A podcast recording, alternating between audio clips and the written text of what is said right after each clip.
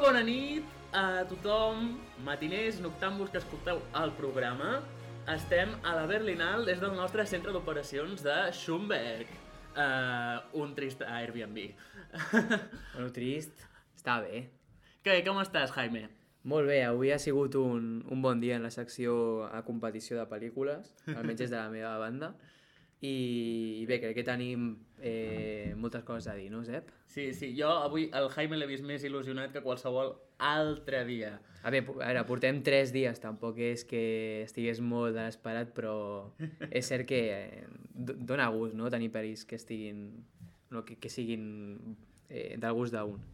Bueno, com ja sabeu, estem fent un podcast amb les dues millors pel·lícules de, uh, més ressenyables de cada dia a la Berlinal. Què millor, al final del dia, que xerrar-ho i desfogar-nos. Sí, sí. Recordeu, som secció paral·lela tant a Twitter com a Instagram. Al cinèfil.cat ens trobareu sota l'usuari secció paral·lela. Recordem el, el funcionament del cinèfil. Cada dia actualitzem la nostra entrada amb els nous enllaços a iVox i a Spotify, on us podeu subscriure també. Allà hi trobareu l'històric de tots els programes. Serà així fins al 29 de febrer. Mm -hmm. Aquest és el quart programa, dia 3 de la Berlinal. Uh, Jaime, recorda'm les dues pel·lícules de les que parlem avui. Avui parlem de Les Celles de l'Arms, crec que es pronuncia així en francès, fa molt que no estudio, eh, de Philippe Garrel, i de segon pla tenim eh, First Cow, aquí sí que l'anglès la controla una mica més, de, de la Kelly Richard. Perfecte. Doncs parlem de d'en Philip Carrel i de La Salle de, la Salle de l'Arme. Algo així. sí, sí. Digue'm amb les teves pròpies paraules uh, quin és l'argument de la pel·lícula. Eh, bé, eh, està protagonitzat per una sort d'alter ego del Philip Garrel, diríem, que és un personatge molt romàntic i que es va enamorant de diverses dones, no? La gràcia és que eh, ell arriba a París i s'enamora d'una noia molt jove i després no explicarem què, què passa amb aquest eh, romanç per no fer spoiler, però torna al seu poble de, de residència, coneix una altra noia, després torna a París i coneix a una altra... Hi han tres dones que conflueixen en el personatge eh, protagonista i la pel·lícula doncs, gira entorn a aquestes relacions. És una comèdia, no? Sí, té tocs de comèdia de- d'enredament, de, comèdia romàntica, però bueno, també té els seus moments més melancòlics. Sí, uh, el guió d'aquesta pel·lícula mm, és bastant interessant Mm. perquè el firma, a part del director, el firma també uh, Jean-Claude Carrier, que, per si qui no ho sàpiga, és uh, algú que ha estat col·laborant estretament amb en Garrel, també amb el seu fill, uh, i en el passat ha fet pel·lícules de Maurice Pialat, els, gui els guions també de Luis Buñuel, el nostre director, a mm, Belle du Jour. Totes aquestes pel·lícules tenen alguns punts en, en comú amb el com tracten les relacions. Segur que en el Jaime també li recorda, mmm, té molts altres punts de contacte amb moltes pel·lícules. Per exemple, una cosa que, que, que he vist que, que has notat i que vull que m'aclareixis és la novel vague. Sí, bé, bé, Philip Garrel és dels pocs directors, si no l'únic, tampoc ho tinc molt controlat, però jo crec que és dels pocs, que continua amb els eh, cànons i, i l'estètica aquesta de Nouvelle Vague, no? continua filmant en blanc i negre, eh, tracta aquests temes com si, com si fossin, com si, si fossin vigents encara, i de fet ho són, i ara mostren aquesta pel·lícula, i potser un dels referents que he trobat més d'aquesta Nouvelle Vague seria Eric Romer, no? i aquesta pel·lícula... Eh, eh, com es deia? Bueno, no, ara no recordo, la pel·lícula de- d'Eric Romer. És una que passa en la que ell s'enamora pel, pel, en l'autobús d'una noia. Ah, sí? Eh, A veure, L'hem de tenir molt present. Això està lleig, ja ho hauria de portar preparat. home, jo tinc, tot tipus de, data, de dades, però no m'he preparat res de la novel vague. Va, anem a, anem a mirar-ho aquí en directe. Entrarem a, al Film Affinity O al Letterboxd, sí, no? Aviam... Mentrestant, jo em puc anar avançant No, si ho tinc ja. És La femme de l'aviateur. Ah, la dona de l'aviador. Sí, eh, en aquesta pel·lícula és la que més he trobat jo aquesta connexió, no? De fet, també això de que passen a moltes pel·lícules de Romer, de que el personatge protagonista masculí persegueix a dones pel carrer, eh, no com un maniàtic, o sigui, com un maníac, perdó, sinó eh, amb aquesta eh, amb aquest enamorament a primera vista tan típic d'Eric Romer, no? També li ocorre al personatge de Philip Garrel i, i bé, doncs aquesta és la, la major referència que he trobat també, a part, bueno, tots els, tot, un dels fets més importants de la novel·la Bach en quant a escenes que hi, hi trobem són aquestes escenes de llit, no? i també apareixen en, en la pel·lícula de, de l'Essel de l'Arms. Això de, això de perseguir a dones pel carrer també eh, ho hem tingut a, a, l'equivalent català a la- a l'escola de Barcelona, no? amb, amb la Fata Morgana. També era un home que eh, es dedicava a perseguir a les dones pel metro mm, amb un joc de coquetets constant. No? Mm. Uh, tu ja has vist una mica de Logan Autofermo? Qui és Logan Autofermo? Ah, és la- és l'actor. Ah, Clar, amigo. L'actor protagonista de, de la pel·lícula. Sí, sí, té un nom estrany. No es deia Luke? No, clar, el que és el personatge. Ah, val. Sí, sí. Uh, Eh, bé, ta- també, quan hem sortit de la pel·lícula m'has comentat que trobaves molta relació a, relacions amb el cinema de Woody Allen, no? Sí. Explica'ns una mica, Zep. Sí, la, la, el veig bastant esquena amb esquena. Mm. -hmm. uh, per exemple, el, el punt de partida és molt el mateix de, de Manhattan, de és una relació intergeneracional, com les que té també uh, Woody Allen, d'una noia col·legiala amb un, un home més experimentat, no? I després aquest home experimentat sempre està jugant a dues, tres bandes, no? Sí. És, La ah, incapacitat aquesta d'estar amb una sola dona. no? Exacte. Sí, sí, no, si jo m'hi sento identificat, jo tampoc puc estar amb una dona.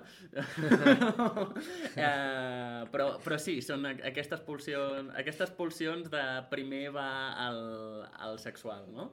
I de fet, perdó, però de Woody Allen i de Manhattan, a part del, del blanc i negre i la línia argumental, també fins i tot manlleva a, a, d'alguna escena, algun recurs, com, com aquest joc eh, semiòtic amb, amb els signes de trànsit, no?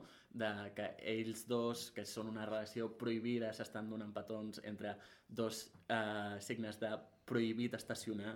Uh, no m'havia fixat en I això. que després, quan ell marxa eh, per deixar-la durant un temps, es, es redreça com cap a la direcció que li marca eh, el gir obligatori, no? la direcció obligatòria en blau. Que no? guai. Sí, i aquests jocs és el mateix que tenien a Manhattan quan eh, Woody Allen eh, travessa amb vermell un pas de peatons cap a Sí, sí, una relació que no li convé. Efectivament. Sí, sí, també altres eh, coses que té eh, aquesta pel·lícula Philip Garrel en relació a Woody Allen és com està situada en el 2019, però no sembla que sigui el 2019. Eh, està plena... No hi ha anacronismes, perquè de fet les coses que ocorren en la pel·lícula les podríem seguir fent, però ningú les fa. Sí. Eh, els personatges s'envien cartes, Oh, tant. que és una cosa que és eh, molt romàntica i que no, no, no passa allà. No, i, la, I la jove parla de l'internet com...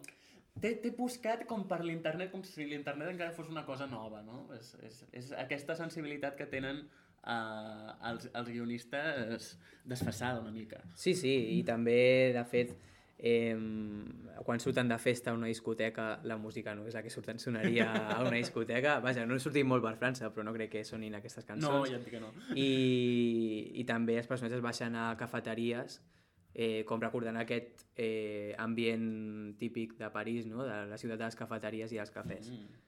Eh, I per últim també, tornant a aquest personatge que, que es diu Luke, no? i és el, el protagonista de la pel·lícula, eh, com ja hem dit abans, té una mica d'alter ego de Philip Garrel, en tant a, bueno, primer en el patatisme, que també converteix amb els personatges de Woody Allen, no? de com eh, pren males decisions volent o no volent, i, i té una mica de comicitat això, però també en la honestedat que demostra el Philip Garrel al, el, el donar-se compte de que no entén a les dones. I és una cosa que també li passava a Woody Allen i que de fet tota la seva filmografia eh, va d'això, no? de la seva incapacitat per connectar amb el sexe femení.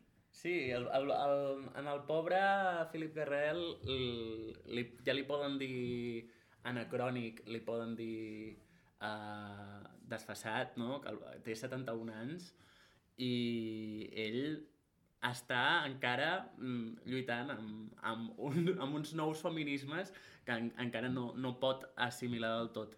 Uh, eh... Sí, podem desvelar un dels moments més eh, significatius de la pel·lícula, i bueno, no significatius sinó brillants, mm -hmm. que és aquell moment del ball que estàvem parlant de la discoteca, no? en què sembla que Philip Garrel té una sensibilitat super especial per demostrar com a partir del ball podem definir les persones mm. i ja des d'aquell primer ball eh, s'intueix que la, la personalitat de la noia que està presentant és d'amor lliure. Eh, mm -hmm. va ballant de, o sigui, va movent-se d'un ballarí amb l'altre, tot i que torna al, al protagonista, no? però és una escena d'una bellesa i elegància fantàstiques, però que, que tenen una intel·ligència per narrativa bestial. Elegant com, com el blanc i negre, no? Sí, sí eh, la posada en escena de Filicarel, de fet, és mm, també dels punts més interessants, no? Sí, a veure, el blanc i negre és una marca de la casa, uh, Garrel, no? Uh, també aquesta posada en escena, abans, abans parlaves de, de la novel·la Bach, però és que hi ha una cosa que em trenca completament amb, amb la novel·la Bach, que és el format anamòrfic, que per mi fa que una pel·lícula en blanc i negre sigui, eh, se, se, se senti contemporània com a mínim per la part de la imatge, no? Mm -hmm. uh, és, és un film analògic d'una relació 2.35, em sembla, que és super allargat, una mena de La La Land, si voleu, no? però que aquí és molt interessant perquè pot jugar a composar plans eh, conjunts, no? plans de parella, és, és un, una relació perfecta per mostrar com s'allunyen i s'apropen no? uh, parelles de perfil, trobo jo, que li hauria pogut donar molt més joc del que li ha donat, no? però que, si més no, és molt elegant. Sí, sí, sí. I també podem parlar de posar en escena en com la il·luminació juga un paper clau, no? Eh, hi ha moments molt puntuals en què la llum és més dura i d'altres en què la llum és més, és més suau. suau. I llavors això també mm, està mostrant el sentiment de l'escena. Mm -hmm. I per últim volia parlar amb tu de la veu en off, que, oh. que potser és un dels personatges més... Eh, absurds. Absurds, vols dir? Uh, per mi la veu en off... Explica, explica. Era com... Aquí discutirem. uh, era, era com re... reiterativa de, de, del que ja estava passant en la imatge. Afegia alguna cosa més, no? Però és un què? La Genevieve i en Luke s'han retrobat. I en efecte, vull dir, és el que ha passat en pantalla, no cal que m'ho expliquis. Bé, jo crec que és un dels punts també que reincideix en aquesta tornada a l'anacronisme no? i a les mm. coses que estan desfasades i és, un, és aquesta, aquest reforçament del romanticisme que té la pel·lícula. Mm. Eh, a part, jo crec que funciona molt bé eh, per a donar un estat a la pel·lícula als personatges, no? Mm -hmm. per, perquè al cap i a la fi la, aquesta, aquest narrador omniscient que tenim i que ens explica el que en un principi podíem ja saber o que descobriríem més endavant, eh, actua com una forma de consciència no? pels personatges i, els, i té aquesta moralitat no? que potser eh, que potser és el Philip Garrett mateix dient que no ho sap tot el que està passant. perquè quan el personatge fa una cosa la, la, veu, la veu en off diu una altra i és aquest, aquest punt d'absurditat, com deies tu, però no, sí. jo no crec que sigui una decisió dolenta, sinó tot el contrari. Sí, a veure, a, a mi m'ha fet riure a, a aquests, aquests diàlegs uh, estan escrits amb, amb prou ingeni. A la vegada, us he de dir que no és una pel·lícula per mi en el sentit de... Mm, no he vist tot el que, tot el que diu el Jaime, no he vist que, cap d'aquestes coses que havia de posar el botó d'or a la pel·lícula, no? Per exemple, la... Uh, el, què has dit? La, el patatisme? O la honestedat, no? Sí, bueno, uh, jo crec que és aquest, aquest punt de, de que el personatge no és conscient sí. de si tot el que fa està bé o malament. Sí, sí, de fet, uh, jo quan m'explicaves això jo pensava en Innocència Salvaje, no? que era un, un, un personatge que sí que en aquest cas no tenia cap malícia, eh, però jugava eh, sempre amb, amb, amb el rostre, amb aquest rostre tan fi, una mica andrògin de, del protagonista, no? que, que, que era, era una, una ànima sofridora. Clar, és que això de la malícia tampoc podem parlar de, de malícia en els personatges de, de la pel·lícula de Garel, jo crec, no? És més això que parlàvem abans de que no s'acaben d'entendre en dos sexes, no? I que s'acaben fent mal volent o no voler. I bé, passem ja a la següent Sí, pel·lícula, favor, no? La de favor, Kelly si no Richard, va. Explica'ns. La... De què va, eh, Vale. Fiscau? First Cow és un relat fundacional d'Amèrica. Tenim un cuiner bastant inepte en una expedició uh, per arribar a, un, a una A un aldea, fuerte, no? A un fort, Sí. d'acord? Uh, encara està a mig conquerir Amèrica pel camí d'Ore- d'Oregon, no? I en aquestes que ell, per la seva aptitud, el, el fan fora de, de l'expedició i es queda um, refent la seva vida en el fort amb un recent conegut emigrant xinès. Sí. Eh, parlem una mica dels referents també d'aquesta pel·lícula, va. Ui, Eh, sí. Quins has trobat? Jo, per exemple, et diria que parlant dels eh, westerns més recents, no? que és un gènere que està en capa caiguda Ahà. totalment, perquè aquesta pel·lícula és un western, És un western, sí. eh, crec que s'assembla més a The Sisters Brothers, no? la última pel·lícula que va estar estrenada al Camp de fa dos anys, crec, Mm -hmm. que a Brokeback Mountain. I això és Home. estrany.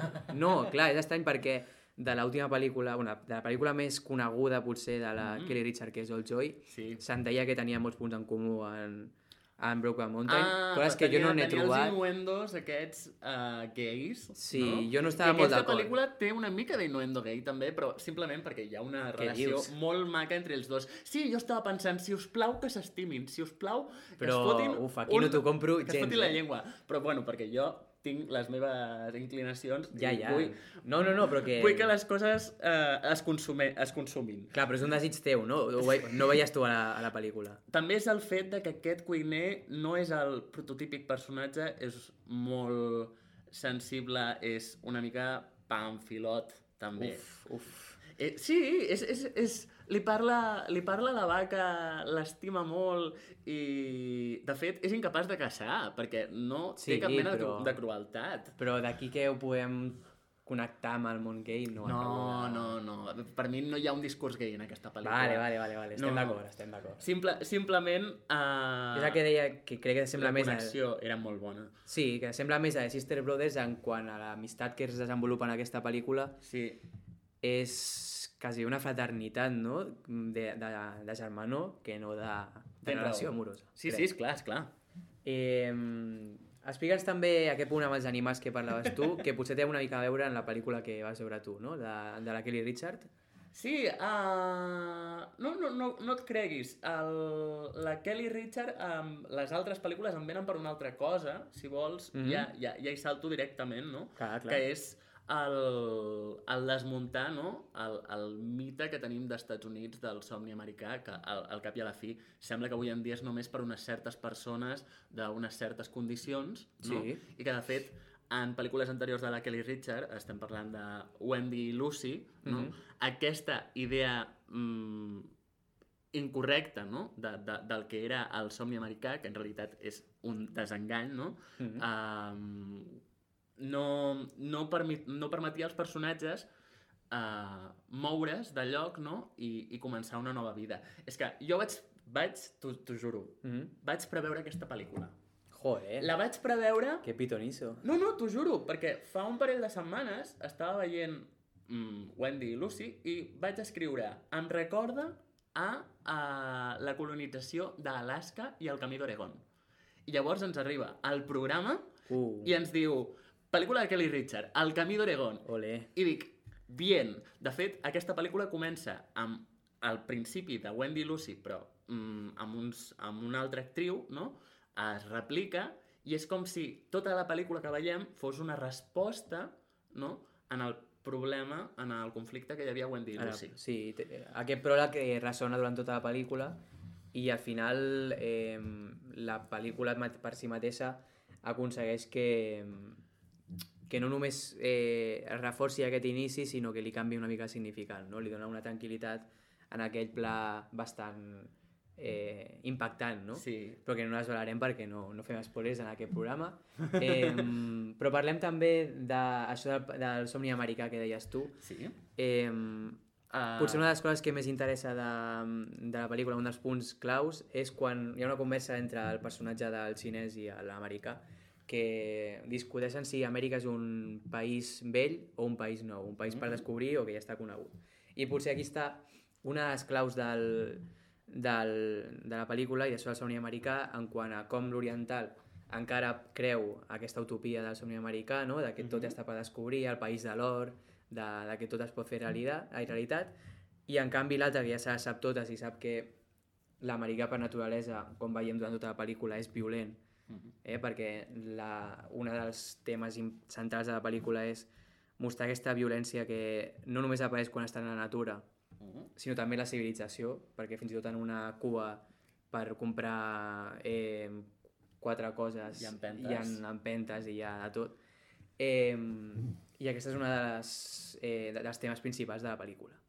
Sí, uh, és, uh, és aquesta cosa de que en el Destí Manifest no, d'Estats Units sempre hi havia frontera nova per descobrir, sempre podies recol·locar-te i començar de nou, no? I és un mite exaurit i de fet és per això, més o menys, que el western, no, a poc a poc va anar oblidant, va, es va anar oblidant a Hollywood. Uh, la pel·lícula de Kelly Reichardt és un western molt realista, Sí, i ens transporta una mica al de Michael Cimino, de La Puerta del Cielo, és un de 1980, no? Que de fet en el moment no va tenir gens de repercussió, va fer que molt, moltes carreres s'arruïnessin, no, no uh, va arruïnar la productora, uh, però ara és una pel·lícula de culte, no? perquè és una, un western mm, on també es desmunta el somni americà, no? eh, que relata un event verdader, veràs, que és de la guerra de Johnson, on les classes dominants van començar a perseguir i expulsar els emigra emigrants d'Europa de l'est. Llavors, tens realment aquesta idea de que hi ha gent de tot arreu, com a la pel·lícula de First Cow, no? i que és, és un crisol de, cul de cultures, mm. no? I, que, i que tothom té un lloc allà i que, i que mm, era possible, aquest somni americà abans era possible. Sí, mm, bueno, la pel·lícula de la Kelly Richard és tot el contrari, no? De... Bueno, no, no és tot el contrari, sinó està No, en aquesta sí. ambigüetat i subtilesa de dir què, què és? De veritat és tot possible, de veritat no, i llavors al final ja dona la seva impressió, jo crec. Compte, compte que és la pel·lícula també més optimista eh, de la Kelly Richard fins ara. I també jo crec que és la més precisa, no? En la També. posada en escena i en com eh, fa ús d'aquests tics que tenia abans, no? D'aquestes músiques acústiques que intentaven com donar una poesia que potser en alguns plans no tenien, no? Ara està molt més refinat, fa plans precisos de eh, els rostres dels personatges i de com les seves mirades eh, tenen algun tipus de, de poesia, no? també, i d'aquestes eh, d'aquests moments de generalitat també en detectar l'ambient perquè hi ha un disseny de producció bestial.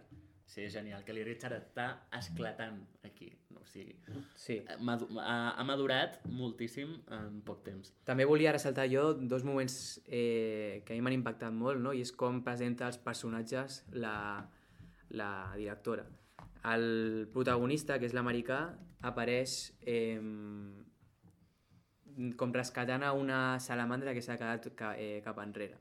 I això, en aquest moment ja tu saps quina, quina personalitat té el, el protagonista, només en el presentar. Sí, és un moment definitori de personatge. Sí, i en canvi el xinès apareix totalment nu, Mm -hmm. que de fet és una manera també de dir-nos la honestedat que té el protagonista perquè és, un, és transparent, el xinès. Ja, el confonen per un nadiu americà, que és la cosa més graciosa que que Sí, vist. sí, perquè té, té moments bastant graciosos la Sí, pel·lícula, i eh?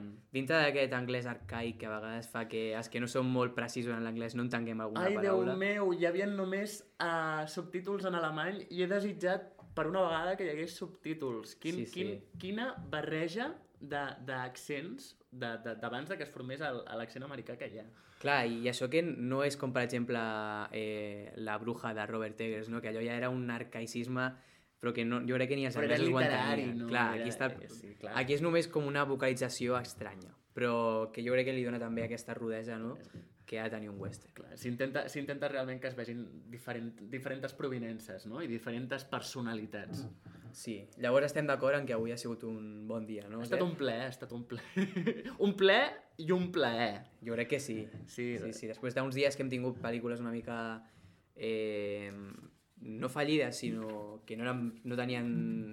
No, teníem, Uns molt- no brillaven. No brillaven, no hi havia res que brillés. Avui ha sigut un dia genial per la Sí, sala. fins i tot eh, aquí fora, fora de càmera jo també he pogut tenir una entrevista amb en Lois Patiño i he vist l'Ua Vermella i em sembla que a finals de setmana podrem comentar-la quan, quan tots l'haguem vista. Esperem. Esperem. Fins llavors, quedeu-vos amb nosaltres. Estem molt contents de que ens escolteu. I amb això i un strudel ens despedim fins demà. Olé, adeu.